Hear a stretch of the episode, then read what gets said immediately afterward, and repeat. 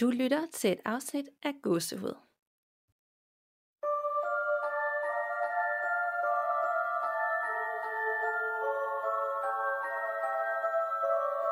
Hej Nana, Hej Danika. og hej derude, og velkommen til episode 92 her lige inden jul.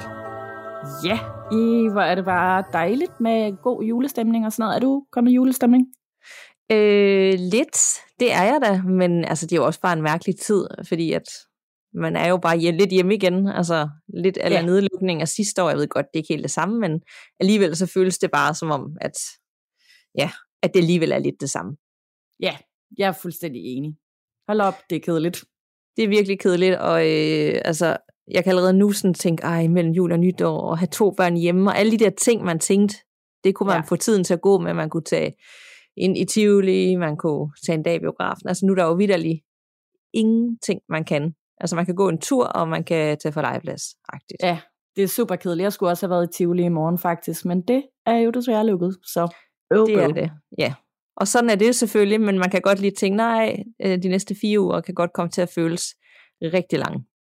Ja, Men Det så er det jo godt, at, øh, at der er gåsehud og alt muligt andet, man kan se og lytte til, så man kan ligesom få tiden til at gå. Og i dag, der har vi jo 10, 9 lytteopretninger med. Kan det passe? ja, ni liter retning, ja. 9 lytteopretninger. Og det er en god blanding af, jamen af alt, føler jeg. Øh, night terror, uhyggelige hoteller, hjemsøgte steder, noget dæmonisk, noget mere let. Der er det hele. Ja, det, og det har jeg også på programmet. Jeg har også lidt forskellige ting, og også sådan lidt brevkasseagtig hjælp. Sådan kan I måske finde ud af, hvad det her er, eller sådan har I hørt om det før, eller ved I, hvad det her er. Så det er også lidt sjovt. Det bliver mega spændende. Og øh, nu havde vi jo også den her godset live øh, den 4. Øh, januar, og vi er jo lige ved at finde ud af med de her nye restriktioner, hvordan der var ledes, fordi der er jo sådan nogle billetter, og vi er jo også i kontakt med Folkehuset Absalon om, om, øh, om vi skal udskyde det til senere på året, fordi vi skal selvfølgelig ikke overtræde nogen lovgivning. Så øh, det er vi lige ved at finde ud af, og så skal vi nok lige give lyd øh, i Facebook-gruppen, og selvfølgelig også i næste afsnit, hvad det bliver til. Selvfølgelig. Men øv, jeg havde glædet mig. Det havde jeg virkelig også, så jeg håber simpelthen også, det kan lade sig gøre at få lavet det på et andet tidspunkt. Ja. Så vi skal nok lige give en update, når vi, vi har hørt fra dem og ved mere. Men jeg tænker ikke, at, at det kan lade sig gøre ud fra de nye restriktioner. Det tror jeg desværre heller ikke. Men øh, er der sket noget uhyggeligt hos dig, siden vi snakkede sidst? Altså ikke decideret. Det mest uhyggelige er jo bare det her underlige sådan tilbageslag, og sådan, jeg føler også lidt, at den her pandemi er lidt værre nu, end den nogensinde har været før på grund af omikron, ikke? Mm. der spreder sig så hurtigt, og så mange nye smittede hver dag. Det er virkelig sådan ubehageligt, også fordi alle de der eksperter siger, at vi nok ikke kan gå igennem den her vinter uden alle sammen lige at blive smittet på et tidspunkt. Så lad os da håbe, at, at det rent faktisk er sådan, at dem, der er blevet vaccineret, i det mindste ikke bliver særlig syge af den. Ja, Jamen, jeg er Ja. enig. Altså, jeg føler også lidt, at det har taget fokus. Det kan godt være, der har været noget, men jeg ligesom ikke har registreret det, fordi at fokus er bare på, hvad der sker ude i verden, og, og det er skide. Det, det mest uhyggelige er nærmest netop, når man øh, åbner øh, de daglige medier, og så får et eller andet smidt i hovedet. Ikke? Altså, så man, nogle gange så er det Jo. også bare nemmere ligesom at, at skærme sig lidt væk fra det, og så... Øh, og hvis der er noget i baggrunden, jeg kan bare høre min datter, hun synger for vild julesang, mens hun ligger i seng. Nå, det er hyggeligt. Ja, så hun er, hun er trods alt glad, ikke? Men, men det er på sådan en meget Jo. råbende måde. Hun sover ikke endnu, tydeligvis. Åh, det er sødt. det er sødt. Det er rigtig sødt. Men også sådan lidt, når jeg sådan lige er, man, er, man er ved at optage, ikke, så kommer det der sådan ind for siden. Ikke? Men øh, jeg håber Jo. ikke, at, øh, at det kan høres for meget i afsnittet. Men nej, jeg synes, øh, jeg synes også bare, det, det, det mest uhyggelige var det, der sker ud i verden. Og så, det er lige før jeg håber, der sådan, kommer en eller anden øh, hyggelig åndelig aktivitet herhjemme, der er ligesom sådan, uh, altså, der må godt ske noget nu. Ja, ja. Sådan nogle små øh, julelys, der begynder at blinke lidt og alt sådan noget, ja. Et hyggeligt julespøgelse, eller måske nogle nisser. Bare Ja. ikke lige dem fra øh, nisser på Netflix, vel? Nej, det er rigtigt. Den har jeg faktisk endnu ikke fået set. Det kan jeg så se, at der er mange andre, der har inde i Facebook-gruppen.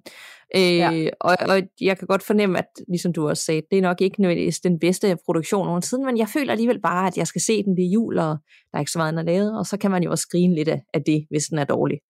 Ja, men det er det, altså, og jeg fik faktisk set den færdig efterfølgende, fordi jeg tænkte, nu, nu skal jeg altså lige se, om det rent faktisk også var så dårligt, som jeg sad og sagde.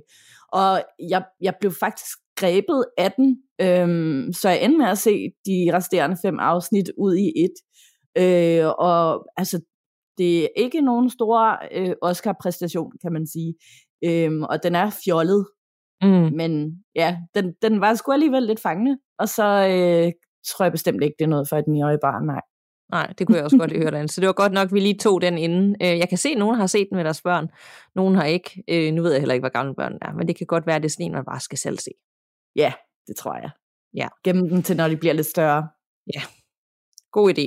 Men vi skal jo heller ikke trække den længere, tænker jeg, fordi vi har jo alle de her lytterberetninger, og jeg forestiller mig, at folk derude, der lytter med, de er bare klar til at blive skræmt. Det tror jeg også. Så lad os da bare gå i gang. Vil du starte? Jeg starter, og jeg har en lytterberetning med her for Laura, som blandt andet handler lidt om en dæmonisk latter, som du aldrig glemmer igen. Uh. Hejsa. Jeg er helt ny lytter af jeres podcast, da jeg egentlig altid har været meget bevidst om, at min psyke slet ikke kan holde til spøgelseshistorie og historien overnaturlig. Min veninde var dog meget insisterende på, at jeg skulle lytte til jeres podcast, så det gjorde jeg. Jeg startede fra jeres seneste afsnit, nummer 91, og det gik fint. Jeg blev så opslugt, at jeg lyttede fra morgen til aften, og selv da jeg skulle sove, der kunne jeg ikke stoppe. Og det er en rigtig dårlig idé at falde i søvn til et afsnit gåsehud, især når det hedder, de kigger på dig, når du sover, skyggevæsener, The Hatman og Slenderman. Jeg har egentlig heller aldrig oplevet det helt store, når det kommer til det overnaturlige. Mest følelsen af energier og uhygge i bestemte rum og bygninger. Men det er så ikke the case mere, for natten jeg faldt i søvn til godset, der skete det vildeste og værste, jeg nogensinde har oplevet. Jeg er lige faldet i søvn og drømmer, at jeg sidder og drikker en øl med en veninde. Pludselig begynder vi og bordet at dreje rundt. Lidt ligesom når en person i en film er påvirket, og kameraet drejer rundt om personen. Vi drejer og drejer til jeg er alene, og pludselig ligger jeg i min egen seng igen. Jeg ligger på maven med armene ned langs siden og kigger ud af mit værelse egentlig ikke noget underligt det, da jeg ofte sover på maven. Men den her nat kan jeg ikke mærke madrassen under mig. Det føles som om jeg svæver. Og jeg ved, at madrassen er der. Jeg ved, at jeg ligger i min seng, og jeg ved, at jeg er vågen. Og pludselig kan jeg mærke nogen, der træder op min seng fra fodenden af. Personen sætter sig på knæ hen over mig, og lægger sig derefter ned over mig. Jeg kan høre dynen, der bliver trykket flad, mens jeg mærker en tyngde lægge sig over mig. Det føles ikke som en menneskekrop, men mere som noget koldt og tungt, der omslår hele min krop. Jeg kan mærke dets ånde i nakken, da dets ansigt kommer helt tæt på mit, og vi ligger nu kind mod kind. Det vender hovedet, så munden er helt tæt på mit øre, inden det slår ud i en dæmonisk latter. Lyden, der fylder min øre, er skarp og høj latter, fyldt med hån. Som om det vil fortælle mig, at det var dumt at lytte til gåsehud og tro, at jeg ikke vil komme ud for noget lignende. Da det var væk, sprang jeg op af sengen, tændte lyset og tog min dyne og løb ind til min lillebror, hvor jeg meget bestemt fortalte ham, at jeg sov her i nat. Thank godt, at jeg sov hos mine forældre den nat og ikke lå alene i min gamle lejlighed, som jeg har købt efter den tidligere ejer døde. Knus for Laura. Så øh, klamt, ikke? Det lyder virkelig som verdens værste mareridt. Øh, måske endda søvnparalyse øh, ad men jeg fik bare, altså, hun falder jo i søvn, og det er også sådan lidt en drøm, men så, så er hun jo vågen, der hvor hun mm. ligger i sengen og mærker det. Jeg er med på, at det godt kan være sådan nogle gange svært at skille mellem, hvornår er det virkelighed og hvornår er det en drøm, men jeg fik bare fornemmelsen af, at hun sov ikke i den sidste del. Nej. Øh, og, og det kan godt være, at hun gjorde det, men ikke vidste, hun gjorde det. Men uanset hvad, så har hun jo tydeligvis fået et eller andet bygget op igennem øh, de her afsnit, og, og så haft en oplevelse på baggrund af det. Og det er jo det, vi har talt om. Nogle gange kan det være indbildning, man er jo bare helt op at køre. Andre gange kan det godt være, at man tiltrækker et eller andet, fordi man er så fokuseret på det overnaturlige. Ja, hvis man lytter så meget og så intens, så kan det godt være, at der ligesom er noget, der kommer med, men jeg håber virkelig bare, at det er sådan en angstprovokeret øh, søvnparalyse. Ja, det håber jeg også. Men altså, et eller andet sted fedt, at, at du bliver så opslugt af, af godset, og du får simpelthen høre det fra morgen til aften. Men jeg kan godt sætte mig ind i det der med, at man bliver så, ej, jeg skal bare høre mere og mere og mere. Men lige pludselig kommer det til at fylde så meget, og hvis man hører noget om spøgelser dagen lang, så det sidst, så kan man jo også blive sådan helt, altså, så ser man den alle steder. Ja, det er virkelig rigtigt. Så øh, du må endelig give en update om, om der skulle komme mere, flere oplevelser. Øh, har du sådan ligesom lagt det på hylden igen, tør ikke lytte mere, eller sker der andre ting? Ikke? Fordi hun skriver også, at hun føler altid, at hun kunne fornemme stemninger øh, i bygninger og rum øh, og energier. Ja. Ikke? Ja. Så øh, det kunne være meget øh, spændende at høre, om det udvikler sig til mere, eller, eller det stoppede efter det. Helt klart. Jeg er så meget klar til endnu en opretning, Nana. Jeg har en her fra en øh, anonym lytter, som øh, skriver til os om noget, der hedder Den Store Stykke Sorte Ulv. Hej Danika og Nana.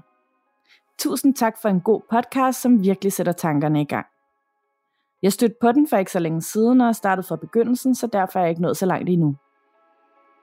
Jeg har altid været meget splittet i forhold til ånder og den slags. Jeg er ret sikker på, at der er et eller andet, men hvad det er, aner jeg ikke. Derfor har jeg tænkt lidt over, om der er nogle situationer, hvor jeg har oplevet noget selv. Der kom ikke rigtig noget op, måske fordi jeg altid har prøvet at finde en forklaring på hændelserne. Dog kom jeg til at tænke på en ting, som jeg var meget pladet af som barn. Jeg ved ikke, om det har relevans i forhold til, hvad I ellers har snakket om, men nu prøver jeg alligevel at sende min beretning til jer. Som sagt er det noget, der har plaget mig det meste af min barndom. Så jeg vil skyde på, at jeg var omkring fire år første gang, jeg fik besøg. Dengang boede jeg i et lille hus et stykke ude på landet. Jeg vågner pludselig op med en helt tør mund og en stor trang til et iskoldt glas vand. Jeg kaster min dyne til side og begynder at begive mig ned ad stigen fra min køjeseng. Da huset er lidt gammelt, knager gulvet en del. Jeg lister så stille jeg kan, for ikke at vække resten af familien. Nu står jeg ved toppen af trappen på rapporten. Jeg fortsætter stille ned under og famler mig vej ud i køkkenet. Der er sort, bortset fra lidt lys, der kommer igennem vinduerne. Jeg når håndvasken, fylder et stort glas med vand, og derefter endnu et. Efter jeg har slugt to, slugt to glas, stiller jeg glasset frem på køkkenbordet og begynder så at finde tilbage til trappen for at gå tilbage til mit værelse. Da jeg når 4-5 trin op ad trappen, får jeg en fornemmelse af, at der er nogen eller noget, der holder øje med mig. Jeg stopper op og vender mig forsigtigt om. Først kigger jeg for enden af trappen og lader derefter min blik glide op, så jeg ser igennem døren og ind i stuen. Her står vores spisebord med seks spisebordstole omkring sig. Gennem vinduet kommer der et hvidt eller blåligt lys ind i stuen fra månen udenfor, som lyser lidt af spisebordet op. Pludselig hører jeg en knirken fra køkkenet, så jeg vender hovedet derhen for at se, hvad det var, men jeg kan ikke få øje på noget, som kunne have lavet sådan en lyd. Igen flytter jeg mit fokus mod stuen, og der, under en af spisebordstolene, ligger der pludselig en stor, sort, sammenkrøllet skikkelse, som godt kunne ligne en stor, sort, sovende hund. Der kommer igen en lyd ud fra køkkenet, og det føles som om, jeg er tvunget til at kigge derhen. Men der er stadig intet at se. Da jeg vender hovedet mod stuen endnu en gang, var den underlige skikkelse væk. Man skulle tro, at det ville gøre, at jeg faldt til ro. Men i stedet for kom der en bølge af frygt og ubehag gennem kroppen. I det jeg kan mærke, at min puls begynder at stige kraftigt, kommer der et mørkt, ulvelignende væsen, væsen spurtende, men på samme tid nærmest i slow motion ind mellem stolbenene. Jeg når kun at bemærke dens meget pjuskede, kulsorte pelsdragt og de store, lysende gule øjne, da den sprang direkte op i mit ansigt og væltede mig omkuld. Alt blev helt sort og let, men ikke på en behagelig måde. Nærmere som om jeg blev løftet op over jorden imod min vilje, for derefter at blive tabt igen. Jeg vågnede med et sæt og satte mig op i sengen.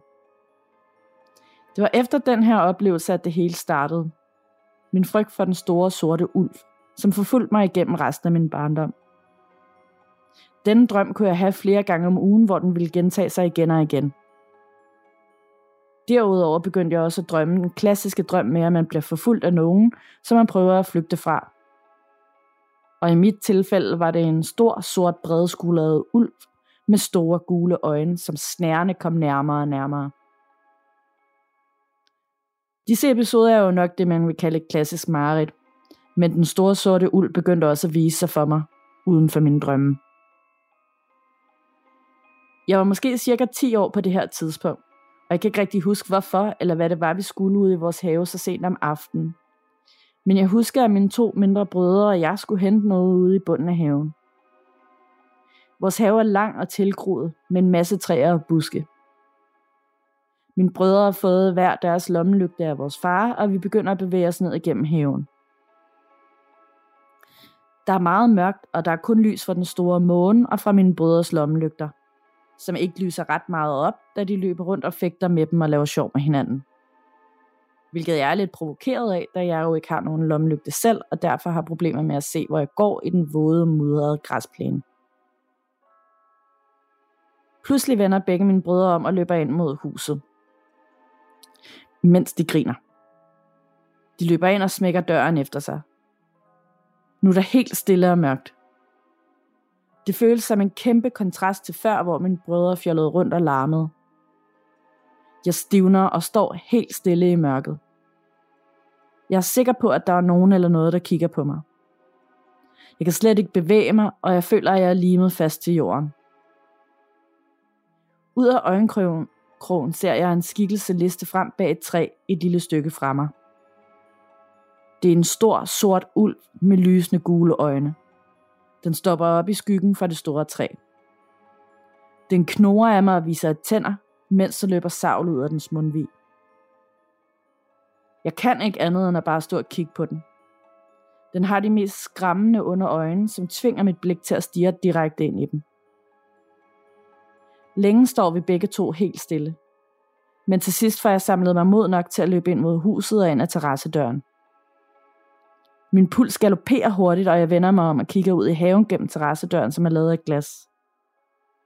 Der er intet at se, og den store sorte uld er væk. Jeg tager alligevel nogle skridt tilbage og skynder mig ind til min familie i stuen. Denne og lignende oplevelser har jeg haft gentagende gange. Den store sorte uld dukker altid frem i mørket gennem mellem træer og buske. Den står bare knurrende og savlende, imens den viser sine tænder til mig, og hver gang får jeg en følelse af ondskab og frygt, som løber igennem mig, og jeg bliver helt stiv. Det fyldte så meget i mit liv, at jeg blev nødt til at dele det med mine forældre. De har heldigvis altid troet på mig, og de kom altid hurtigt, når jeg kaldte på dem. Hver aften, inden jeg skulle sove, kunne jeg høre en ulv bevæge sig op ad trappen ude foran døren til mit soveværelse. Jeg var slet ikke i tvivl om, at det var den store sorte ulv, som igen ville finde frem til mig. Trinene blev ved og ved og stoppede aldrig, før jeg til sidst var faldet i søvn, da jeg ikke længere kunne holde mig vågen. Om natten, når mine forældre havde slukket lyset, gik den store sorte ulv rundt nede foran min køjeseng i cirkler og ventede på mig. Når jeg lå op under loftet, så kunne den ikke nå mig. Derfor sov jeg altid i køjeseng. Og hvis jeg skulle sove hos nogle af mine veninder, så skulle jeg altid sove meget højt, ellers så ville jeg slet ikke. Da jeg blev omkring 13-14 år, synes mine forældre, at det havde fyldt nok i mit liv. Så de kom derfor på den idé, at de ville stille rester fra aftensmaden op for enden af trappen, for at ulven blive mæt, og derfor ikke have interesse i mig. Lidt ligesom man sætter risengrød op på loftet til nisserne, for at nisserne ikke vil drikke, drille familien i huset. Derefter generede den store sorte ulv mig ikke så meget mere. Jeg møder den kun en gang imellem under et træ eller en busk, når jeg går alene om aftenen. For eksempel på en mørk sti. Måske er det bare min fantasi, der spiller mig et pus. Men i hvert fald har det fyldt en stor del af mit liv. Og det er lidt en sjov historie, som en gang imellem kommer op under aftensmaden, når jeg besøger mine forældre. Det var så min beretning. Jeg har aldrig været bange for almindelige ulve. Måske betyder det noget. Og er der ikke noget også om vareulve og månen? Hvad tænker I? Jeg har vedlagt et billede for at give en idé om, hvordan den så ud. Mange hilsner fra den ulveskræmte lille pige. Hold nu op en voldsom øh, forretning på en eller anden måde. Ja, det, den er virkelig voldsom, også fordi at jeg kan ikke komme med nogen logisk forklaring på det. Altså ikke når det er sådan gentagende hændelser, fordi det kunne selvfølgelig godt bare være en eller anden vildfaren hund, øh, som hun møder ude i haven. Øh, ja. ja. Ja, men alligevel, fordi hun ser det jo drømmen først, og der kan man tænke, okay, det er et, et mareridt, der gentager sig. Det kan være, mm. der er mm. noget psykologisk i det, man ser det samme, og det betyder måske noget helt andet. Men så begynder hun jo også at, at møde det her væsen for andre tidspunkter. Altså ude i busken, ude mellem træerne. Mm. Altså, det, det vil jeg også synes, altså så vil jeg jo ikke tænke, at det var bare lige en hund, der bor i området, som tit kommer. Altså også mm. den her måde, at den bare står og stiger og sådan med tænderne og sådan noget. Altså det er jo sådan, ikke sådan ting, jeg bare typisk en hund, man går og møder hele tiden gør. Nej, det er det nemlig ikke. Øhm, og sådan, måske mange andre lande, men lige i Danmark, der er det jo ikke fordi, vi har sindssygt mange vilde hunde løbende rundt heller. Nej, og heller ikke så mange vilde ulve, tænker jeg. Nej, det har vi heller ikke overhovedet. Så, så. Øh, så det er bare mega mystisk, og om ikke andet, og uanset hvad det skyldes, så er det jo ikke rart, at det er noget, der har fulgt en fra man var helt lille, og så op igennem teenageårene, og faktisk stadig er noget, der ligesom nogle gange stadigvæk øh, hun ser, ikke? Øh, ja. ja. Det, jeg ved slet ikke, hvad, hvad skal man gøre? Skal man kontakte en eller anden er det så en klaviant, man skal have fat i en eller anden, øh, der sådan kan dykke ned i det? Altså, og er det noget, hun forestiller sig, men det betyder noget helt andet? Altså, det ved ja. jeg ikke. Ja. Nej, jeg ved, jeg ved det heller ikke. Altså, hun har også sendt sådan et link med øh, til en beskrivelse af, hvor sådan overnaturligt, hvad en sort ulv repræsenterer, som er sådan noget med frygt og angst og sådan noget. Og altså på en måde, så minder det mig også om noget, jeg selv oplevede, da jeg var barn, hvor at jeg var, øh, jeg lå søvnløs sådan om natten, fordi at jeg var super bange for, at det er virkelig dumt, men det var sådan en øh, rund træsparegris, øh, som jeg havde, der var sådan, ja, rød og formet lidt som en gris. Og jeg, og jeg havde bare sådan en forestilling om, at den blev til en trold om natten og rendte rundt på gulvet også. Og jeg, altså, jeg var dødstens angst, og turde heller ikke bevæge mig i min seng. Øhm, det minder jo lidt om det. Mm. Ja, ja, der er et eller andet, man sådan ligesom er bange for, og så, fordi man tænker så meget på det, så viser det sig på forskellige måder. Ja, netop. Og det er jo det, der er med psyken, altså, det er fordi, hvis, du havde, hvis det nu havde været et spøgelse i stedet for, ja. så havde jeg jo tænkt, når hun, hun er åben for den anden side, og det, der er nogen, der gerne vil i kontakt med hende, ikke? men lige så snart jeg hører et væsen, eller øh, ved, uld, varvl, ikke? Så er der et ja. eller andet i min hjerne, så kan det ikke kapere det, så kan det ikke, så kan det ikke være rigtigt. Og det er jo åndssvagt, fordi hvis det er en, en, noget, en ånd, eller en skyggevæsen, eller hatman, så jamen, det er jo det, det er. Ja. Men hvis det er et eller andet andet, så er det sådan, nej, det, det findes ikke, og det må være noget, det må være fantasien. Ikke? Det er jo skørt, det skal jeg jo ikke bestemme, at det ikke findes.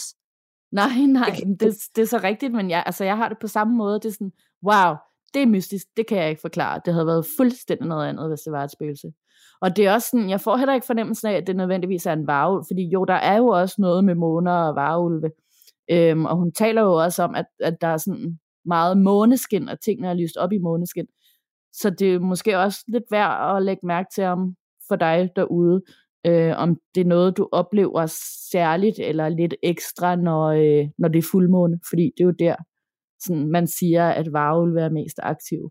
Ja, og det, hun startede også med at sige, at hun var lige begyndt at lytte til gåsehud, og det havde vi jo også i min lytopretning, men det er sjovt det der med, det er sådan meget del 50-50. Enten så starter du for det nyeste afsnit, eller så starter du lige fra starten. Ja, ja, det er rigtigt. Og jeg er typen, der altid starter med det nyeste afsnit, og så går tilbage. Hvad er du? Øhm, jeg prøver egentlig altid at starte fra begyndelsen, men, men jeg kan også godt finde på at springe lidt i det og tage det nyeste, fordi jeg også lige skal se, sådan, hvordan har den her podcast udviklet sig, for eksempel. Ikke? Ja, det bare meget ja. sjovt, de deler vandene. Det er altid sådan enten eller, ikke? Det, jo. det er aldrig sådan, at alle gør det samme. Nej, det er det ikke. så øhm, jeg, jeg, jeg har næsten sådan, at jeg ved, jeg ved ikke, hvordan vi skal slutte den af, fordi jeg føler ikke, jeg, jeg har, altså, jeg ved jo ikke, hvad det er. Og jeg ved ikke, hvad det betyder, og jeg ved ikke, hvad jeg skal sige, hvad hun skal gøre. Nej, altså det har jeg nemlig også rigtig svært ved, fordi sådan, på den ene side, så jo, det kunne være en rigtig god idé at tage fat i en klaverjant, men skal man altså simpelthen også bare være sikker på, at det er en rigtig klaverjant, og ikke en af dem, der sådan lidt lader som om, at de kan finde ud af en hel masse ting. Fordi at øh, det er lidt svært, fordi hvis det her mere handler om øh, angstsymptomer, så er det jo en helt anden slags hjælp, man skal have. Så den er svær. Den er rigtig svær. Det kan være, at vi... Øh hun lige kan skrive en update. Nu ved jeg ikke, hvornår den her lytterberetning er fra, men hvordan det står til, eller måske har lyst til at dele sådan undervejs, hvis hun nu søger et Ja. eller andet hjælp hos nogen. Meget gerne, ja. Meget Ja. gerne. Hold op, så er vi i gang, Ja. hva'? Ja, det må man sige. Er du klar til endnu en? Det kan du tro. Og den her, den handler om et, øh, et ret uhyggeligt hotel i Saxkøbing fra en anonym øh, lytter. Og øh, det sjove er, at det her hotel, eller jeg ved ikke, det er sjovt, jeg har i hvert fald været, og jeg har set det her øh, hotel, der var øh, hvad hedder det, i Saxkøbing i øh, august måned. Og der kan jeg huske, at jeg havde den her lytterretning, jeg havde læst den tidligere, den ligesom har ligget og ventet på det rigtige tidspunkt. Og det var meget sjovt at se det sted, for jeg vidste, at vi havde en lytterretning om det her hotel. Ej, hvor spændende. Altså ikke, at jeg var inde i det. Jeg så det bare udefra. Og det så Ja. ja. nemlig rigtig gammel og uhyggeligt ud. Fedt. Så, og det her, det er fra den anonyme lytter, som tidligere har sendt os en masse beretninger fra Island. Yes. Yes. Hej igen. Jeg synes, det er på tide, I får en historie mere. Før har jeg fortalt om et klamt hotel i Saxkøkken, som veninde og jeg arbejdede på dengang, vi boede på eksotiske Lolland. Hotellet med den tidligere ejer Paul, som helt sikkert synes vi var to forfærdelige piger, der hørte for højt med popmusik og sløsede lidt med opgaverne. Nå, men vores ansættelse var virkelig bred i forhold til, hvad vi lavede som to 15-årige. Vi var receptionister, tjener, køkkenhjælp og gud hjælp mig også stuepiger. Der var stort set ikke det, vi ikke fik ansvaret for, men vi nød det og havde en fest. Med de mange roller vidste vi derfor også altid præcis, hvor mange gæster, der var til stede for hotellet. En morgen, hvor vi havde ønsket nogle besværlige tyskere en god rejse hjem, skulle vi op og ordne værelserne. Vi havde tre værelser, vi skulle ordne efter den, og ellers bare lufte ud på de andre værelser, som var rengjorte. Hotellet var og er et gammelt bindingsværk med de originale knirkende trægulve og den autentiske lugt af fugt og hø. Jeg synes i hvert fald altid, der lugtede af hø. Mig og min veninde aftaler at tage et værelse hver, og det sidste sammen. Vi hører Nick og Jay på fuld smadder og er i fuld gang med rengøring. Og det skal lige siges, at alle værelser lå på en side af gangen, således at man har en gang, værelser på venstre hånd, og vinduer ud til gårdspladsen på højre hånd. Og det er samtidig en blind gang. Da jeg er i gang med at støve af under sengen, ser jeg en mindre skikkelse løbe forbi døren ude i gangen, i retning mod indevæggen. Hvad fanden, tænker jeg, og går ud for at se, hvilket skarn, der har lukket sig selv ind i hotellet, som altså var mennesketomt. Jeg kigger ud i gangen, og der står min veninde så også med hovedet ud af det værelse, hun var på. Hun ser lige bleg og forvirret ud, alt imens du for lækker skråler ud af højtalerne.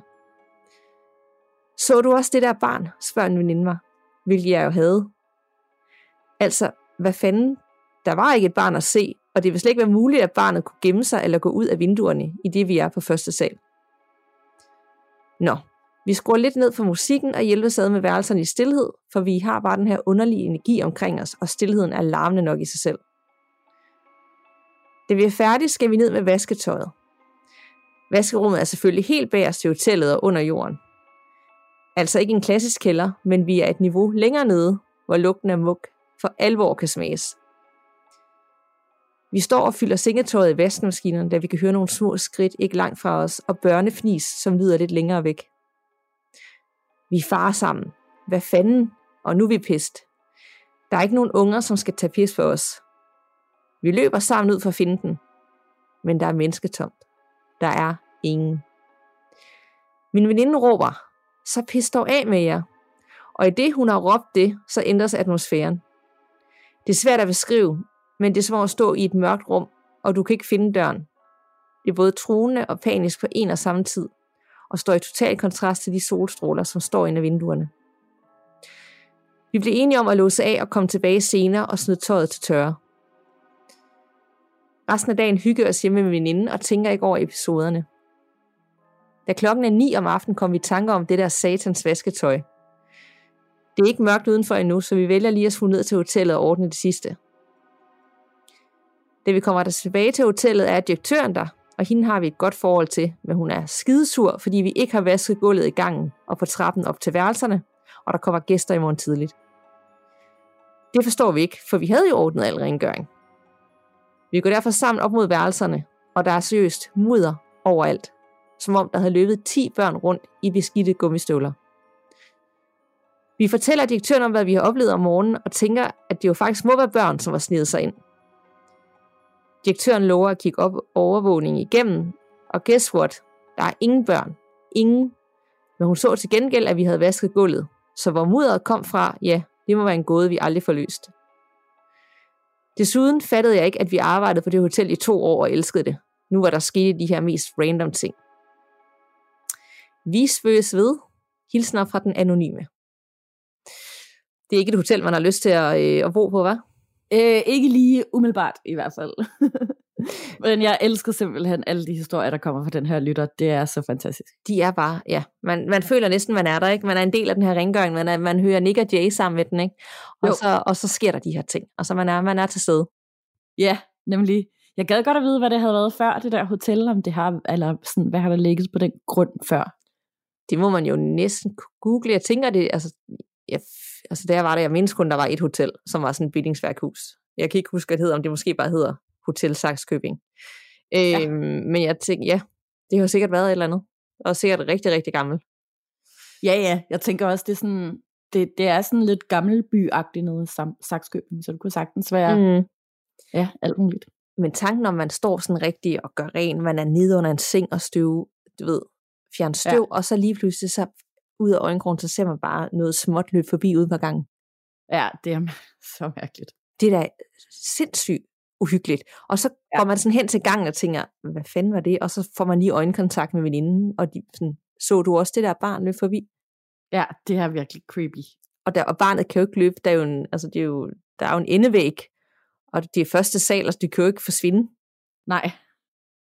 Og så bagefter er man nede i den her forfærdelige kælder, som ikke engang kælder, men er endnu længere nede, og så hører man øh, de der trin bag en, og børnefnis. Altså, ej, nej, nej. Ej, men det er altså seriøst. Spøgelsesbørn er bare det mest uhyggelige i verden. Det er det virkelig. Ej, ja. hold da op. Jeg gad godt vide, om der var flere øh, overnaturlige historier for det her hotel, om der var, man enten kan google noget frem, eller der faktisk er andre, der har boet der, eller arbejdet der, der har nogle ja. beretninger derfra det gad jeg virkelig også godt, og jeg synes altså også snart, vi skal have en øh, episode om hjemsøgte hoteller igen, fordi det er altid så spændende. Meget spændende. Ja. Jeg er klar til endnu en lytterforretning. Fantastisk. Jeg har en her fra øh, Flora, som skriver, Hej, jeg synes, det kunne være sjovt at fortælle min historie, da det er noget, jeg ofte har snakket om. Jeg var omkring fem år gammel og havde en god veninde fra børnehaven. Vi havde en dag lavet en legeaftale, hvor hun også skulle sove ved mig. Jeg havde en seng, som var min egen, inde på min mors værelse. Den var ikke ret stor, og der var ikke plads til os begge. Derfor aftalte vi, at hun skulle sove der, imens jeg skulle sove i min mors seng sammen med min mor. Min seng, som min veninde skulle sove i, lå lige ved siden af min mors seng, som mig og min mor skulle sove i. Jeg vågnede midt om natten og kiggede over på min veninde. Men til min store overraskelse var det ikke kun min veninde, der lå i sengen. Der var også en anden pige, som var omkring vores alder. De lå i ske med den ukendte pige som yderskeen, og hun holdt af min veninde. Jeg vækkede min mor for at fortælle hende, at der lå nogen sammen med min veninde. Jeg var som sagt omkring fem år på det tidspunkt, så jeg havde bare en idé om, at det var en af hendes veninder, der lå med hende. Min mor synes, det lød meget mærkeligt, og hun satte sig op for at se, hvem det var. Men da hun kiggede derover, sagde hun til mig, at der ikke var nogen andre i sengen. Jeg synes, at det var meget mærkeligt, da jeg godt kunne se hende, og hun lå lige der foran mig og sov sammen med min veninde. Jeg blev viskende ved med at insistere på, at der var nogen, men min mor kunne altså ikke se hende. Jeg sad og stirrede på hende og knuppede mine øjne for at se, om hun ville forsvinde. Men hun var der stadig, og jeg tænkte ikke så meget videre over det, og lagde mig til at sove igen, da jeg kunne se, at min mor allerede var faldet i søvn igen. Jeg er nu 15 år og kan stadig huske den nat. Jeg kom i tanke om det forleden og spurgte min mor, om det bare var en drøm, jeg havde haft, eller om hun også kunne huske det. Hun sagde til mig, at hun også kunne huske det, men hun troede bare, at jeg lavede sjov med hende på daværende tidspunkt. Jeg har ikke oplevet noget med den slags siden, og jeg ved virkelig ikke, hvad det var, jeg så den nat – men én ting er sikker. Jeg så altså den pige den nat. Jeg håber, I vil kunne sige til mig, hvad det var, jeg så. Jeg synes nemlig stadig, at det var meget, meget mystisk. Med venlig hilsen Flora. Jeg kan vide, hvad det var, hun så. Ja, Altså, det, jeg kan næsten heller ikke komme på nogen anden forklaring, end at måske er det sådan, måske er det noget, der ligesom følger med veninden. Gud ja. Det kunne godt være, hun havde et eller andet, sådan, der var koblet for hende, så når hun sov der, så, øh, så hende her, lytteren, hun så det. Ja. Og jeg kan godt sætte mig i det der med, at man rigtig sådan gnider øjnene og tænker, ej, jeg er træt, jeg skal, nu skal jeg lige overbevise mig selv om, der er ikke noget, der er selvfølgelig ikke noget. Nemlig. Og så, og så kigger man igen, åbner øjnene, og så er det bare stadigvæk. Ja, det er ret vildt, og jeg ved også, sådan, hvis, hvis hun ikke bare havde lagt sig til at sove igen, hvor længe det ville være der, om det bare blev ved, altså, så mystisk. Ja. Og var det kun den ene gang? Ja, det er det, i hvert fald kun den ene gang, hun har skrevet om indtil videre. Kan vide, altså veninden, altså om hun har snakket med hende om det, nu ved jeg ikke, om det er hun har kontakt med i dag, sådan om, om der er et eller andet, hun har haft nogle oplevelser i sit liv, eller noget, der har fulgt hende, eller hvad det kunne være. Det kunne være virkelig, virkelig sjovt at høre om. Altså det, er jo, det må jo være, det var, da hun var omkring 5 år, hun er 15 nu, så det må være omkring 10 år siden. Det kunne virkelig være spændende at høre, hvis jeg de får, stadig taler sammen. Ja, jeg får også sådan lidt vibe af, okay, hvis det, det er noget, der ligesom er knyttet til hende, det kan jo være, at øh, veninden har øh, mistet en søskende, som ligesom er koblet på hende, noget der passer på hende. Det kan også være, at hun har været tvilling, og så den ene tvilling død ved fødslen, men du ved, det hører man nogle gange ja. om, og så følger de sådan ligesom alderen, og ser hinanden i den alder, de nu skulle være i, ikke? Jo. Øhm, altså, det, det er sådan, altså, jeg tænker ikke sådan, altså det er jo en hyggelig oplevelse, men jeg tænker ikke, at det er noget negativt. Måske det er sådan en skytsingel eller en guide, der sådan følger hende. Ja, ja, jeg fik heller ikke nogen negativ vibe omkring det overhovedet. Øhm, men selvfølgelig at se det udefra, og tænke, hvem er den ekstra person i sengen? Ja, det er altid creepy. ej, ej, jeg får helt godset kan jeg mærke. Ja. Hold nu op, hold nu op. Øhm, yep. Jeg har en lytterberetning her fra en Lene, som har arbejdet på en meget hjemsøgt gammel skole. Er du klar? Det kan du tro, jeg er. Hej med jer, og tusind tak for en skøn podcast. Jeg har siden tidlig barndom haft paranormale oplevelser, og det kulminerede, da jeg var teenager. Jeg vil nu fortælle om en oplevelse, da jeg og to andre klassekammerater havde et job med at gøre ren på vores skole efter lukketid. Det var kun os tre for skolen. Skolen var en lille privatskole i en provinsfy. Det var et tidligere hotel og senere hjem for udviklingshemmede. Det var en kæmpe bygning, og meget af bygningen var slet ikke i brug. Der var en stor hall med trapper op til første og anden sal, og på første sal var der klasseværelser ud mod hovedgaden og en lang mørk gang, der førte længere ind i bygningen. På hjørnet af gangen var et lille toilet. I hakket, som førte videre ned mod de lange gange til bygningen, der førte ned mod havnen, var der indvendigt trappe til anden sal. Det var næsten aldrig uhyggeligt at gøre rent på første sal. Anden sal derimod, den var indrettet fuldstændig som første sal, og her havde man altid en følelse af at blive overvåget. Når jeg gjorde rent i et af klasselokalerne, der lå mod gaden, gik døren ud til gangen ofte op af sig selv og i af sig selv. Vi havde timer i samme lokale, og døren gjorde det også ofte, selvom vi havde timer, og der var ingen på gang. Jeg skyndte mig derfor altid med hjertet op i halsen og få støvsuget. Jeg var hunderad for at se et følelse, og ærligt talt var jeg bange for, om jeg i ren skræk kunne finde på at hoppe ud af vinduet for anden sal, hvis noget viste sig for mig. De gjorde det heldigvis aldrig. I et af de lokaler, der lå længere nede mod havnen, havde vi samfundsfag, og det var kun det ene lokale i den ene ende af huset, der blev brugt. Gangene i den indre del af bygningen var formet som et sæt. I midten af sættet var trappen mellem etagerne, og i den flade del af sættet var der et lille toilet, der var ens for begge etager. Og i bunden af sættet, hvor samfundsfag lokalet lå, gik der yderligere nogle snodede gange, som vi aldrig kom i. En meget, meget indviklet bygning. Der var nogle unge mennesker, der er til lånte et af de værste lokaler til at spille musik i. Men jeg ved ikke hvilket, for vi mødte dem aldrig. Tilbage til fortælling. Den mørke gang, der ledte ud mod sæt, havde en tung dør i enden. Altså ud mod den gang, hvor klasselokalerne ud mod gaden lå. For enden af gangen lå et lille toilet, og døren stod ofte åben, når jeg kom, for så lige pludselig at smække i foran mig, når jeg kom med støvsugeren. I lokalet med samfundsfag havde jeg altid en følelse af at blive overvåget, og energien derinde var bestemt ikke rar. I stueetagen var den tidligere spisesal lavet om til kantine, og i forlængelse heraf lå lærernes kontor og den store balsal, der dengang var lavet om til gymnastiksal. Ved siden af lærernes kontor lå et lille tekøkken, og det var vores opgave at vaske op efter lærerne. Og derfra gik en stejl trappe ned til det store køkken, hvor vi bare service ned og vaskede op. Vores job var at støvsuge på hver etage og gøre toiletterne rene. Vi fordelte os altså på hver vores etage. Og jeg oplevede flere gange, at døren til det store køkken smækkede lige, i, lige foran mig på vej ned. Der var ingen træk eller andet, der kan forklare hvorfor. Men jeg havde efterfølgende ikke lyst til at gå derned det næste stykke tid. Jeg synes, det var creepy, men jeg havde faktisk vendet mig til det, selvom jeg var pissebange. Jeg støvsuger på en af de lange tidligere hotelgange, lige hakket foran et lille toilet. Det var en meget billig og larmende støvsuger. Og pludselig hører jeg, hehehe, grin bag mig, meget tæt på. Jeg afslapper og griner indvendigt, for det må være en af mine veninder, der driller.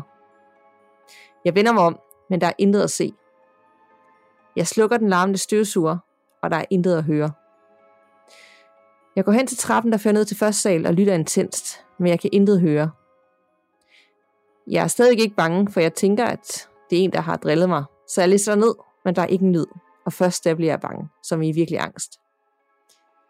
Jeg løber ned i stueetagen og finder mine to kolleger i færd med at vaske op. Og de havde på ingen måde kunne løbe derned, uden jeg havde hørt det. Og der var kun os tre på skolen. Vi hørte musik fra etagen ovenpå, og det var en meget mystisk lyd, som kom og gik i bølger. Vi tænkte, det måske var de unge mennesker. Vi vidste, det havde et øvelokale, men vi synes bare, at musikken lød lidt mystisk, så vi besluttede os for at undersøge det. På vej op ad trappen hørte vi fortsat musik, der kom og gik i bølger. Vi hørte det alle tre og synes, det var underligt. Og vi var alle tre forvirrede og lidt skræmte, da vi nåede til anden sal, hvor musikken tydeligt kom fra. Vi gik igennem den lange gang, hvor der til daglig var klasseværelser. Der var et toilet i hjørnet, hvor jeg tidligere hørt grinet. Badeværelset var ikke med i vores rengøring, i det det ikke blev brugt. Vi fulgte af videre lyden af musik, som konger gik, og af en eller anden grund, så stod vi alle tre foran badeværelset. Det havde den her gamle lås, man kunne dreje, så den viste hvid eller rød, alt efter om der var optaget eller ej. Og låsen drejede flere gange fra rød til hvid og tilbage, mens vi stod der. Klik, klik, klik. Vi stod alle paralyseret og kiggede på det ovale lås. Rød, hvid, rød, hvid, klik, klik. Og så kiggede vi på hinanden. Og løb alt, hvad vi kunne ud af skolen. Vi ringede til forstanderen med det samme, skræmte, og han kom hurtigt. Han gik skolen igennem og kunne konstatere, at der denne eftermiddag ikke var andre end os fra skolen. Med venlig hilsen, Line. Øhm, jeg kom sådan til at tænke på en ting, øh, som jeg føler går lidt igen i de her lytterberetninger ret tit, at øh, de oplever ting, mens de gør rent. Ja. Jeg vide, hvorfor det er.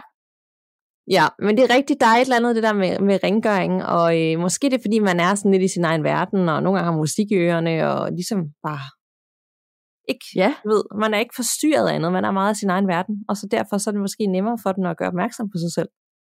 Det kan sagtens være.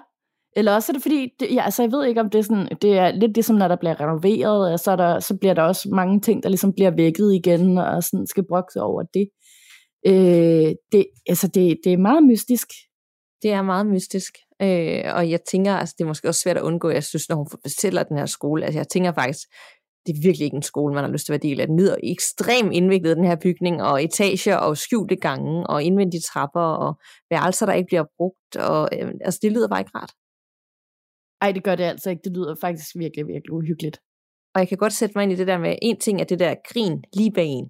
Det, det er klamt, men da de så går ned sammen, og alle sammen kan høre musikken, og går tættere og tættere på, musikken bliver højere og højere, Ja, det er så og mærkeligt. så, og så har der ikke været nogen der, og så det er da også klamt det der med, at der er ikke nogen, og så det der med, med låsen, der drejer frem og tilbage, frem og tilbage. Ja, Der, der, der fik jeg virkelig sådan en følelse af, at det der, jeg vil også bare tænke, nu løber vi. ja, nemlig, det vil jeg virkelig også. Altså, det der, når, når noget, man ikke ved, hvad er, at prøve at komme ind til en. Det er Ej, klart. ja. Ej, ej, ej, der, der var et eller andet klam med den der låsen. Det var Ja. virkelig gyseragtigt på en eller anden måde. Ja, det var det virkelig. Hold nu op. Nå. Øhm, jeg er klar til endnu en lytopretning. Yes, og det er en af dem her, som jeg tænker er sådan lidt øhm, brevkasseagtige, hvor at jeg håber i hvert fald, at du måske har et godt råd. Yes. Det er fra Victoria, som skriver, hej gåsehud. Jeg ved ikke, om man kan kalde dette en overnaturlig oplevelse, men det er i hvert fald en uforklarlig en. Jeg har nu flere gange oplevet ting, jeg ikke kunne forklare om natten. Det skal lige siges, at jeg aldrig nogensinde har gået i søvn før. Dog har jeg snakket i søvn. Jeg har aldrig tænkt på, at det kunne være noget overnaturligt, men efter at jeg har hørt et par afsnit af jeres podcast, så er jeg blevet mere åben for det. Så jeg tænkte, at jeg lige ville dele min historie med jer.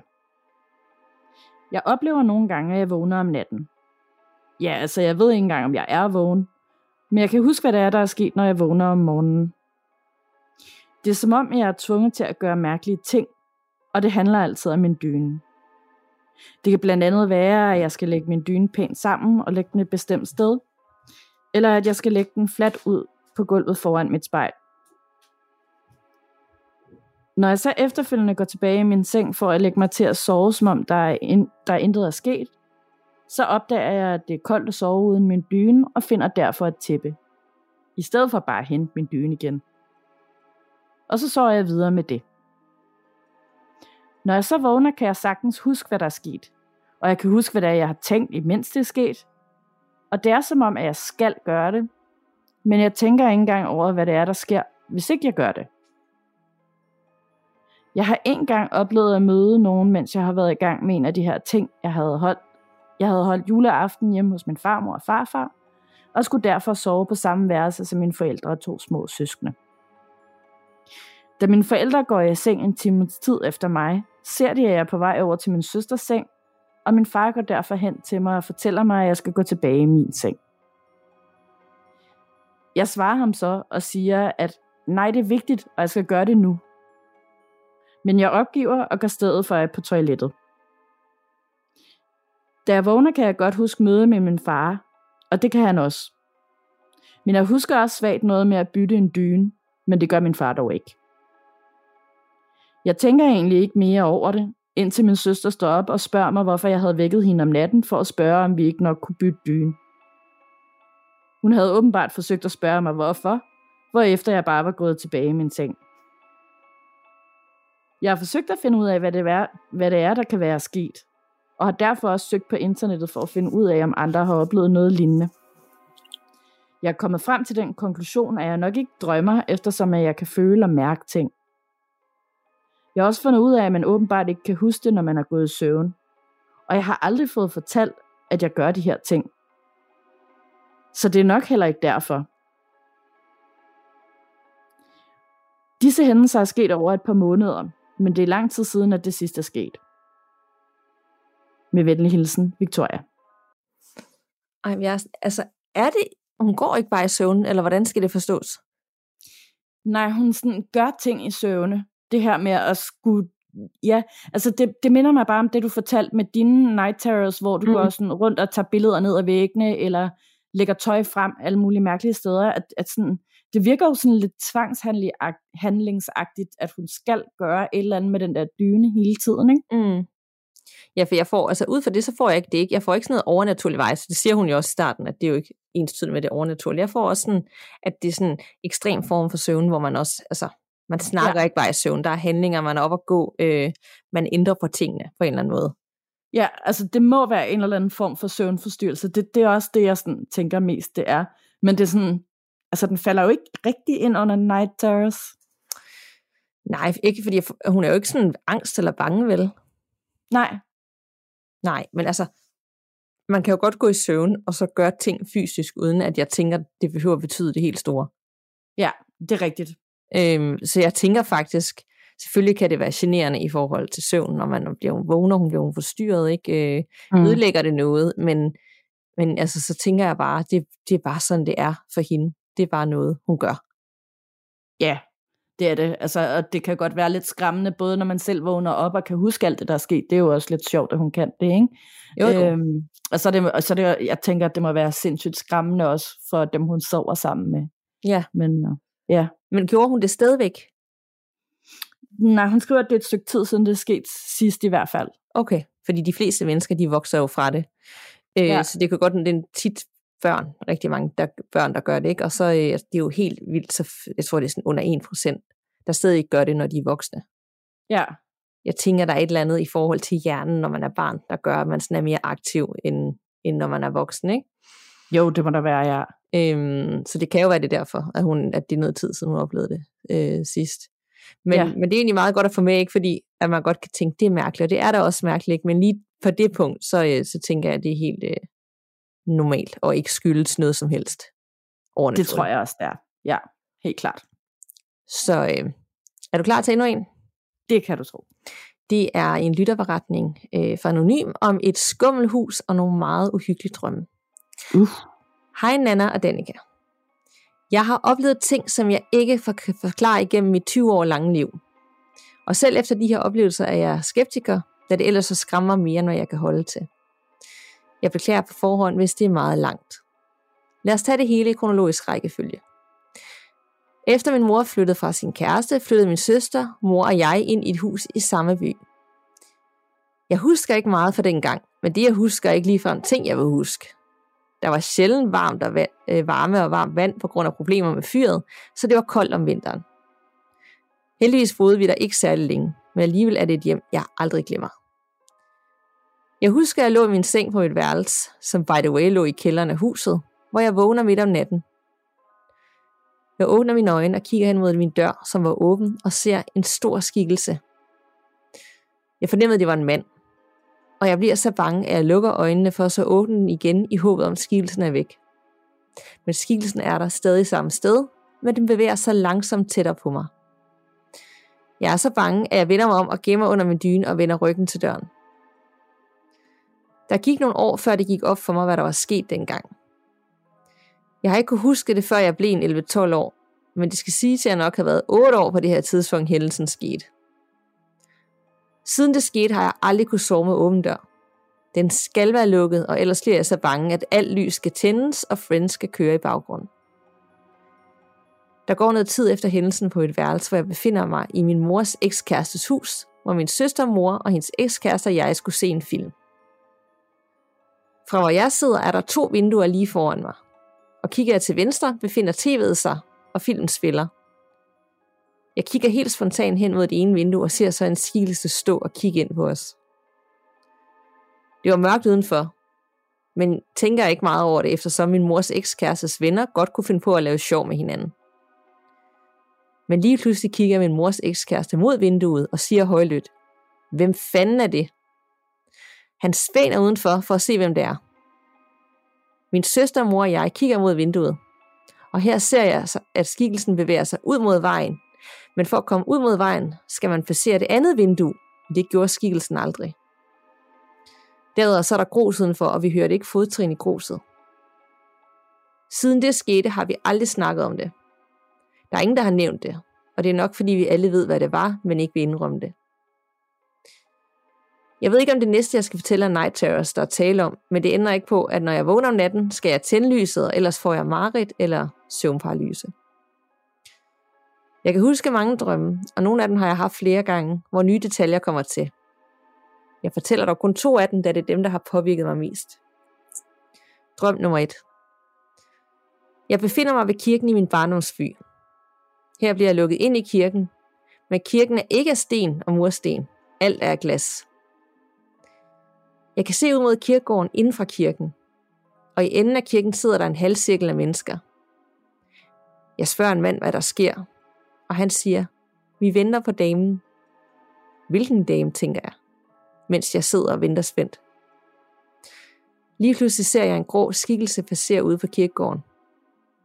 Og lige pludselig befinder jeg mig ude på kirkegården, og skikkelsen kommer igen.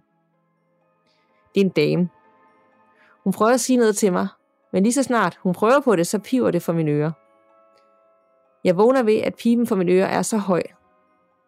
Denne drøm har jeg haft to gange, og jeg ved ikke, hvad det betød, indtil det gjorde for mig, at en ven af vores familie døde af kræft et års tid, inden drømmen kom til mig. Jeg gik ind på Facebook, og her var jeg stadig venner med hende. Jeg vidste bare, at jeg skulle fjerne hende fra Facebook, og siden da har jeg ikke haft drømmen igen. Drøm nummer to. Den her drøm giver mig stadigvæk gåsehud, selvom det er to år siden, jeg har haft den. Jeg havde drømmen, da jeg boede i Australien som au pair. Drømmen foregår således. Jeg sidder i klædeskab bygget af E og kigger ud i et rum, hvor en lille pige i en lysrød kjole leger med sine dukker. Her får jeg en dårlig fornemmelse, fordi hun leger med det, der befinder sig inde i klædeskabet. Det skal lige siges, at drømmen befinder sig i 1950'erne, hvilket jeg i hvert fald vil mene, og alt i huset var bygget af træ, Der var meget dystert og mørkt, og nu befinder jeg mig pludselig i køkkenet. Her kan jeg se pigen sidde ved spisebordet sammen med sin mor og far. Pigen sidder ved siden af sin mor, og faren sidder over for den. Stemningen er meget trykket, og jeg får fornemmelsen af, at det her er manden, der bestemmer, og hvis man ikke gør, hvad der bliver sagt, vil der komme konsekvenser. Lige pludselig beder moren pigen om, at hun skal hente noget. Men her fornemmer jeg, at pigen ikke vil flytte sig af frygt for det væsen, som står for enden af bordet. Det vil tage hendes plads. Men mor bliver ved med at sige til pigen, at hun skal hente noget.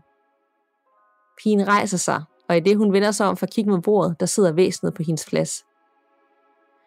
Her ændrer perspektivet sig, for nu kan jeg se øret af moren tæt på, og lige pludselig råber væsenet. Cheater, cheater, cheater. Det føles som om, det bliver råbt ind i mit øre, og da jeg vågner med pipen for det ene øre. Siden jeg kom hjem fra Australien, er der kommet en lettelse i min krop, og jeg har fornemmelsen af, at drømmen ikke vil følge med mig hjem. Jeg vil stoppe skriveriet nu, da jeg kan mærke, at min puls er meget høj, og det bliver meget ubehageligt nu. De bedste hilsner fra Anonym. Altså, shit, nogle uhyggelige drømme. Mm. De var meget detaljerede, og det er jo egentlig vildt, fordi når man hører om sådan en drømme, så tænker jeg ikke sådan, Nå, det er jo bare drømme, ikke? Men den måde, hun beskrev det på, det var bare, det, ja. var, sådan, det var sådan lidt næsten klaustrofobisk. Ja, netop. Øhm, ja, der er så også noget, jeg har også nogle der drømme, hvor at selvom det er flere år siden, jeg har haft den, så kan jeg huske den altså helt tydeligt ned til nederste detaljer, og det er bare lidt specielt med de drømme, hvor man sådan kan, kan huske så meget af dem. Nemlig. Og jeg, får, jeg tænker også, okay, hun starter med at se et væsen, da hun er 8 år. Ja. I hendes dør, der kommer tættere og tættere på. Så ser hun et, en skikkelse der i roden. Er det den samme skikkelse? Og nu har hun de her drømme, hvor de begge to er sådan, jamen ja, der, er, er der et eller andet, der er koblet, altså har hun et eller andet åbent sind, eller kan hun mærke noget, der ligesom følger hende igennem livet nogle gange? Er det sådan forvarsel? Jeg ved det ikke. Jeg, jeg fik bare sådan ikke, jeg fik ikke fornemmelsen af, at det var sådan fire øh, forskellige ting, der var tilfældigvis blevet beskrevet. Jeg fik, jeg, der var sådan ligesom en sammenhæng på en måde. Ja, netop. Øhm, ja, virkelig mærkeligt. Det er virkelig mærkeligt. Altså de der drømme, det der med glaskirken, var det der var kirken var lavet af glas, så synes jeg allerede, det var uhyggeligt. Ja, det er det også. Altså det er jo, det, det vil man jo ikke tænke var uhyggeligt, men i den her setting, og vi venter på damen. Sådan, hvilken dame? Ja, netop. og, og, og det her væsen i drøm nummer to, der råber det her. Og den der med, at hun hver gang så vågner hun ved, at der var sådan en høj pibelyd. Altså, hvad betyder det? Ja, det ved jeg heller ikke. Øhm, og hvorfor var det også, at det gik væk, da hun fjernede øh, den afdøde tidligere ven på, øh, på Facebook? Det er som om, at der er et eller andet, der prøver at fortælle hende noget. Ja. Men vi har jo ikke, vi har ikke svaret overhovedet. Vi gør det nok bare værre. ja, det er rigtigt. Ja, det, det er jo sådan tit, der er med de her beretninger. Man er sådan helt, det er sådan lidt, nå, videre. Men jeg føler også slet ikke, at jeg har vundet sløje for noget, eller givet et godt tip eller noget, eller hjulpet nogen. Jeg føler bare, at jeg er lige så forvirret. Ja, netop. At den her vil jeg så også gerne have en opfølgning på. Ja, også fordi hun siger, jeg er nødt til at stoppe nu, jeg, min, min puls er meget høj, jeg kan ikke, det bliver for meget for mig. Og så stopper ja. hun. Ja. Så, Ej, så mange jeg, spørgsmål. Ja, virkelig. Jeg håber virkelig, at vi får en opdatering på det. Jeg skal nok lige skrive og, og følge op på den. Godt. Nå, men øh, skal vi gå videre? Yes. Yes.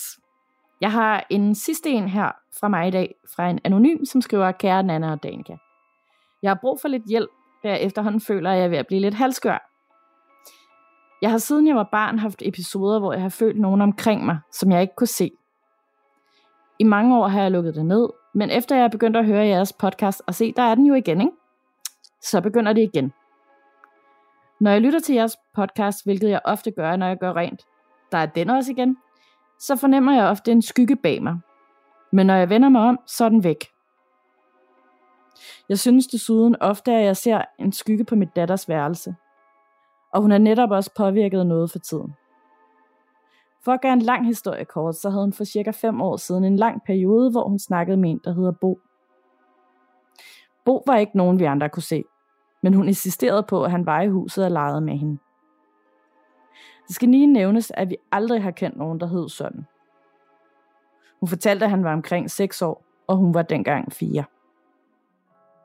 Bo havde især for vane at dukke op, når jeg var alene med børnene. Typisk at jeg så kunne sidde der selv og være ved at dø af skræk. Jeg husker tydeligt en aften, hvor vi er alene hjemme. Marie stod foran fjernsynet og rykkede frem og tilbage. Altså sådan som om, at nogen stod foran hende og dækkede hendes udsyn. Jeg spurgte, hvad hun lavede, og hun svarede, det er Bo. Han står midt i det hele, så jeg ikke kan se noget.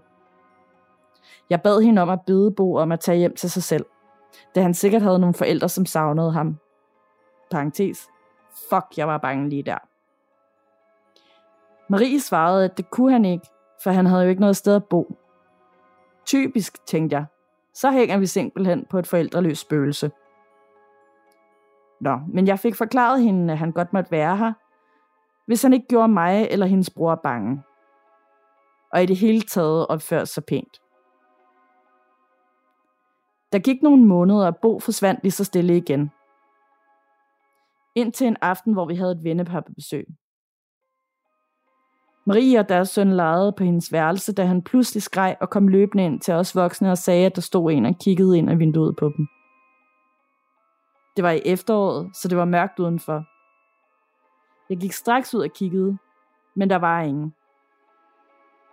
Vi bor på en lang lige vej, så hvis nogen havde været der, så havde vi set dem. Da jeg spørger Marie, hvad hun så, så svarer hun, mor, altså det var jo bare Bo. Der fik jeg nok, og bad hende fortælle Bo, at nu måtte han altså videre finde sig et andet sted at være. Vi har i lange perioder ikke hørt hende nævne ham. Men nu pludselig i dag, efter knap tre år, hvor han har været væk, siger hun til mig, Mor, jeg har fået en mentor i skolen. Nå da, tænker jeg. Og hvem er så det? Bo, lyder svaret. Jeg var seriøst ved at køre galt, da hun sagde det. Hun fortæller glad videre, at Bo sidder ved siden af hende i skolen og hjælper hende. Det er derfor, hun altid er færdig, før alle andre kan alle sine ting. Og Bo bliver afleveret af sine forældre, som han åbenbart er blevet forenet med. Men han møder først klokken 9. Og nu er han blevet 10 år, hvilket jo nogenlunde passer. Ej, det skulle være mærkeligt efterhånden. Hun er 8 et halvt år, og jeg har simpelthen ikke fantasi til at forestille mig, at hun bare skulle opdigte alle de her ting. Og udover at Bo åbenbart er kommet tilbage, og at jeg ser mærkelige skygger og føler nogen bag mig, så er tingene i huset også begyndt at gå i stykker. Først vaskemaskinen, så køleskabet, så bilen, og nu er katten pludselig også blevet syg. Måske er det bare et tilfældigt sammentræf, eller måske er der nogen eller noget, der påvirker tingene negativt. Min søn er også begyndt at vågne om natten og siger, at der er nogen på hans værelse. Jeg tør ikke gå derind, så jeg vækker min mand og sender ham afsted. Men nu vil jeg høre jer, om I kan anbefale nogen, som måske kan fornemme, om der virkelig er noget i vores hus. Eller om det bare er mig, der har hørt alt for meget i jeres podcast. Hvad tænker I? Og er der nogen, I kan anbefale? Tak for en super god podcast. Fortsæt endelig. Kærlig hilsen fra Anonym. Hvem er Bo, og hvad vil Bo? Ja, seriøst, hvem er Bo? Det er simpelthen for mærkeligt, det der. Helt vildt. Altså, jeg, det er sådan, sådan helt klassisk øh, ven, børn har, øh, når de er yngre. Men han kommer igen. Ja. Den her usynlige ven, og det synes jeg er sådan lidt, nu er han der lige pludselig efter tre år. Det, det er lidt for meget. Ja, det er det, og sådan, så sidder han der og hjælper hende i skolen med sine lektier, og det passer jo også, at han kan lidt mere, når han er lidt ældre end hende. Men, men, men, men hvordan kan han også blive ældre på den måde, hvis han er et spøgelse? Jamen, altså, de kan jo vel også, ja, det ved jeg selvfølgelig ikke, om de også kan rykke sig. Jeg ved det Nej. virkelig ikke. Men der var et eller andet der, hvor hun sagde, så sad han siden af hende og hjalp hende. Altså den der tanke om, at hun vidderligt kan se en, der sidder ved hende hver dag. Altså det synes jeg bare var uhyggeligt. Ja, det er virkelig, virkelig, virkelig uhyggeligt, og jeg, jeg synes, altså det er så mærkeligt, og det lyder godt nok også vildt, hvis hendes datter bare skulle sådan opfinde alt det der. Ja, der tænker jeg også, at børn, altså selvfølgelig har de en, en vild fantasi, øh, men det er godt nok meget, altså hvorfor skulle de opdække det over så mange år? Præcis. Også fordi hun fortæller det mere på sådan en, det er da bare Bo, eller du ved, det er bare ham, eller han har ikke andet. Det er jo ikke, fordi hun sådan gør sådan, laver sådan en kæmpe storyline ud af det, ikke? Det er jo kun, når der bliver spurgt til det. Det er da selvfølgelig bare Bo. Ja, nemlig. Øh, men jeg kan godt forstå, at hun tænker, at vi skal have nogen ud og lige se på det her. Øh, er, det, er det noget, der, hvor han skal videre? Altså hænger hun på ham permanent? Det er jo ikke fedt nødvendigvis resten af, af livet. Eller er det, er det bare harmløst, og at det forsvinder med tiden? Altså, om ikke andet få en eller anden ud af det. Han, er de flyttet undervejs? Det kan jeg ikke huske. Eller er de det samme sted? Meget mystisk er det i hvert fald, og øh, jeg er sådan lidt, ja, hun var for fat i en eller anden, måske, øh, ja, hvem skal det være? Ja, det er, jo, det er jo lige det, altså, fordi vi ved jo heller ikke, hvor hun bor, så det er også sådan lidt med at kunne anbefale en i nærheden. I don't know. Øhm. Måske Facebook-gruppen er et godt bud at lægge det op, øh, hvor du bor, og hvem folk kan anbefale, og så se, hvad der kommer. Ja, nemlig. Du behøver jo ikke at sige, hvad det drejer sig om, eller noget som helst, så det kunne godt være en mulighed. Jeg er i hvert fald enig i, at, at der vil nok være en rigtig god idé at lige at få nogen ud, eller snakke med nogen, og lige finde ud af, hvad det er. Ja, helt klart. Det er simpelthen for mærkeligt. Ej, puha. Ja. Øh, jeg har lige en aller sidste lytopretning, men den er meget kort, og sådan, måske det er også bare lige mere et, et, par, et par ord til os, og den tænker jeg er meget hyggelig at slutte af på. Helt klart. Øh, og det er fra Anonym, og handler lige om en tandlægeklinik i København. Hej kære Nana og Danika. Jeg har lige fået nyt arbejde for en klinik i København. Den tandlæge, jeg arbejder for, er tredje generation, som ejer klinikken. Min chefs bedstefar købte klinikken, da den forhenværende tandlæge og ejer hængte sig selv i vores personalerum. Han hed Højer til efternavn. En klinikassistent fortalte mig, at hun mødte ind til musik bravende ud af højsaleren kl. 7 om morgenen, og radioen bliver naturligvis altid slukket, når sidste medarbejder går hjem. Mystisk. Jeg er ikke bange for at være der, og der er kun gode vibes indtil videre. Jeg synes bare, det kunne være spændende, hvis det var et spøgelse. Jeg lytter nu til episode 90, hvor der bliver talt meget rosende om efterskoler. Lille kommentar for mig. Jeg nød ikke mit efterskoleophold.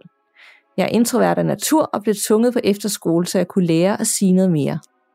Det var ikke sjovt, og jeg har ingen livslange venskaber for tiden. Jeg ser tilbage på det som en popularitetskonkurrence, som jeg aldrig ønskede at være en del af.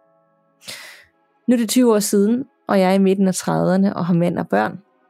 Jeg tog en universitetsuddannelse med efterfølgende fastbetalt job, så til de stille sky og tilbageholdende efterskoleelever derude, det skal nok gå, hold ud. Tusind tak for en fed podcast. Jeg er ikke ked af det, hvis min e-mail er for lang, og vil jeg skåne jer for alle de skønne ting, jeg har at sige om jer og jeres podcast. I er fantastiske, og jeg glæder mig altid til at høre et nyt afsnit. Jeg har lyttet med for day one, og jeg synes, Nana giver lytteoplevelsen en god energi. En milliard kram for anonym. Var det ikke bare en sød mail? Ej, det var bare den sødeste mail. Ej, hvor gjorde det mig glad. Ja, ikke? Jeg tænker jo. også, det var god at slutte af på.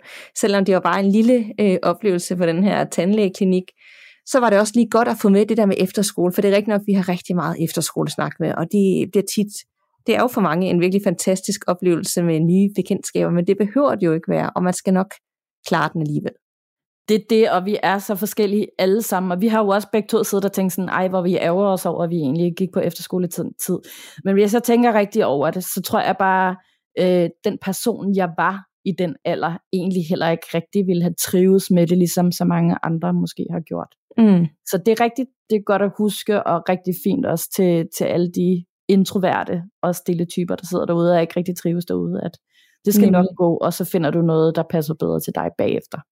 Nemlig. Det var rigtig godt for mig. Vi har jo rigtig mange unge lyttere også, som måske er det sted i livet, hvor det kan jeg i hvert fald selv huske, når man er der teenager, det er sgu ikke nemt at finde ud af tingene, og man ved jo ikke så meget endnu, og det er bare det er lidt usikkert det hele, ikke? Jo, nemlig.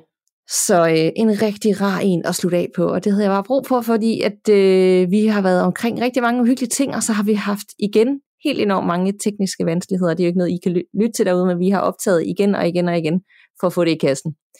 Vi yeah. håber, den er der nu. Yes, det håber jeg virkelig. Øhm, ja, hold op, jeg er træt af det her program, vi sidder og optager i, men vi har bare ikke rigtig så mange andre muligheder lige nu. Nej, ikke når det er corona, og vi sidder hver for sig.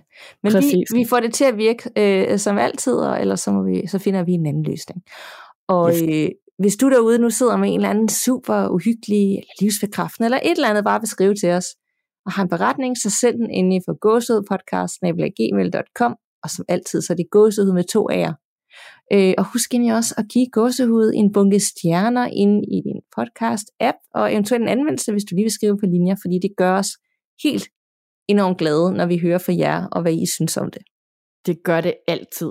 Og meget apropos, så skal du også huske, hvis ikke du allerede gør det, og melde dig ind i vores Facebook-gruppe. Bare send en anmodning. Vi plejer at godkende dem i løbet af altså 0,5 sekunder. Ja.